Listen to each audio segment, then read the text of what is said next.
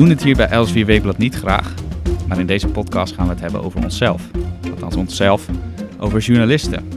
Want Arendo Joustra verbaast zich over een nieuwe maatregel van het ministerie van Justitie en Veiligheid. Die maakt het werk van onze beroepsgroep namelijk een stuk moeilijker. Welkom bij een nieuwe aflevering van de podcast Non Solus, waarin we wekelijks met onze hoofdredacteur praten over wat hem bezighoudt of is opgevallen. Mijn naam is Matthijs van Schie. Goed dat u weer luistert naar een nieuwe podcast van Elsevier Weekblad. Arendo, welkom.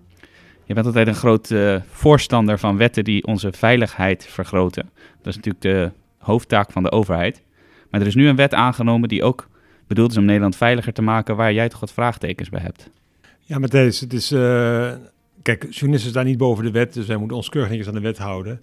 Maar dit is wel heel vreemd, want de minister van Justitie, Grappenhaus, die zegt nu dat journalisten die naar uh, Syrië reizen of naar gebieden die onder een terreurregime staan, dat die zich eerst mij moeten melden eigenlijk. En dat is wel vreemd, omdat... Uh, en de Tweede Kamer is daarmee akkoord gegaan. En dat is wel vreemd, want ja, er is een soort persvrijheid in Nederland. Niet een soort, er is persvrijheid in Nederland. En het is ook een beetje raar als journalisten, uh, die, die dienaar zijn van het vrije woord... en beschermd worden door artikel 7 van de grondwet, persvrijheid... eerst toestemming moeten vragen aan de overheid om naar een uh, Syrië te reizen... dan wel naar een gebieden met, uh, waar terreurorganisaties heersen. Dat is principieel verkeerd en praktisch verkeerd. Ja, het is natuurlijk wel uh, het is een wet die geldt voor alle burgers. En jij schrijft ook dat dat is op zich goed dat burgers toestemming nodig hebben om naar zo'n gebied te mogen afreizen. Maar um, journalisten zijn ook burgers. Dus zou je dan niet moeten zeggen dat het hoort ook voor journalisten te gelden? Ja, dus, dus de wet bedoelt eigenlijk, kijk, als, je nu, als nu mensen terugkeren uit die terreurgebieden of uit Syrië, dan is het heel lastig om te bewijzen uh, dat ze meegeholpen hebben aan de terreurbeweging. Ja. En ze gaan altijd naartoe dat ze, hè, ze hebben goede werken gedaan. Ze hebben eten uitgedeeld en, en dekens. Er zijn heel veel koks in uh, het kalifaat. Heel veel koks. Ja. En uh, dus een beetje lastig om te bewijzen. Dus dat is begrijpelijk.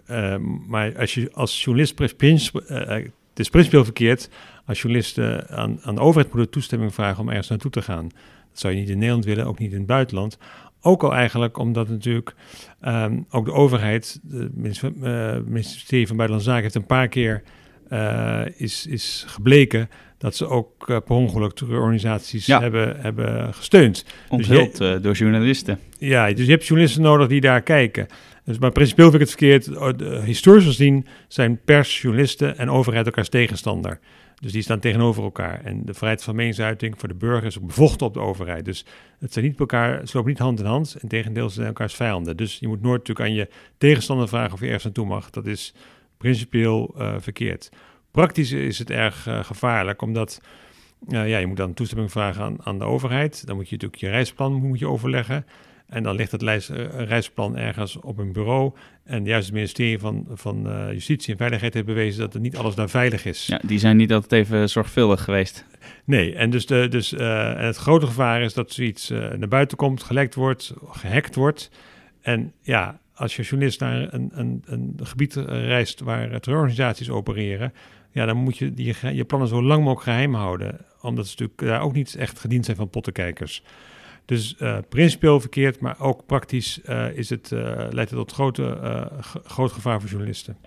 En ben je nou niet bang dat er een situatie komt dat er een, een journalist is, althans iemand die zich uitgeeft voor journalist, die daadwerkelijk aan terroristische organisaties deelneemt en die vervolgens zich beroept op zijn, zijn beroep als journalist. Ja, dat kan, maar dat moet je dan wel kunnen aantonen. In de meeste gevallen gaat het toch allemaal mensen die werken voor een van de omroepen, een van de kranten, een van de tijdschriften. Is helder wat zij doen. Hebben een perskaart. Nou ja, per, kijk, dat zijn allemaal dingetjes die niet zo belangrijk zijn iedereen, het journalistiek is een vrij beroep, dus in die zin heb je gelijk. Iedereen kan zich uitgeven voor journalisten en zeggen, ja nee, ik was een journalist. Uh, maar je moet al kunnen aantonen dat je inderdaad daadwerkelijk uh, iets gedaan hebt. Je moet, een, een, een, je moet kunnen zien dat je een, een uitzending gemaakt hebt of een, een blog geschreven hebt, et cetera. Uh, en, en wel zodanig dat je niet nog eens een keer eindeloos veel tijd had om, om bij te dragen aan de organisatie die wij dan een terroristische organisatie noemen. Ja, nee, helder. Um, de, de wet is al aangenomen door de Tweede Kamer, maar die moet nog door de Eerste Kamer. Ja. En jij zou zeggen, het zou goed zijn als de Senaat hier een een uitzondering zou bedingen? Nou, er, er komt nog een, een deskundige hoorzitting uh, uh, voor de Eerste Kamerleden. Omdat, nou ja, is niet de enige die hier tegen protesteert. Ook de beroepsorganisaties protesteren hier tegen en ook individuele journalisten.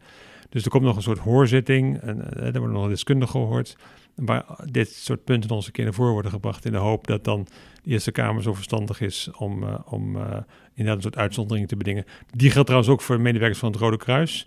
En ook hulpverlenersorganisaties zijn ook bezig om een uitzondering te bedingen, omdat die natuurlijk ook niet gebaat zijn. Die moeten hup van de dag op de andere dag uh, weg kunnen gaan. Nou ja, en de ministeries zijn op zaterdag en zondag dicht. Het zijn bovendien ambtenaren, daar wil ik niks kwaads mee zeggen. Maar die moeten allerlei, allerlei procedures en regels uh, voldoen. Dus dat houdt me op. En uh, ondertussen kunnen ze hun werk niet doen. Dat geldt voor, journalisten en dat geldt voor hulpverleners.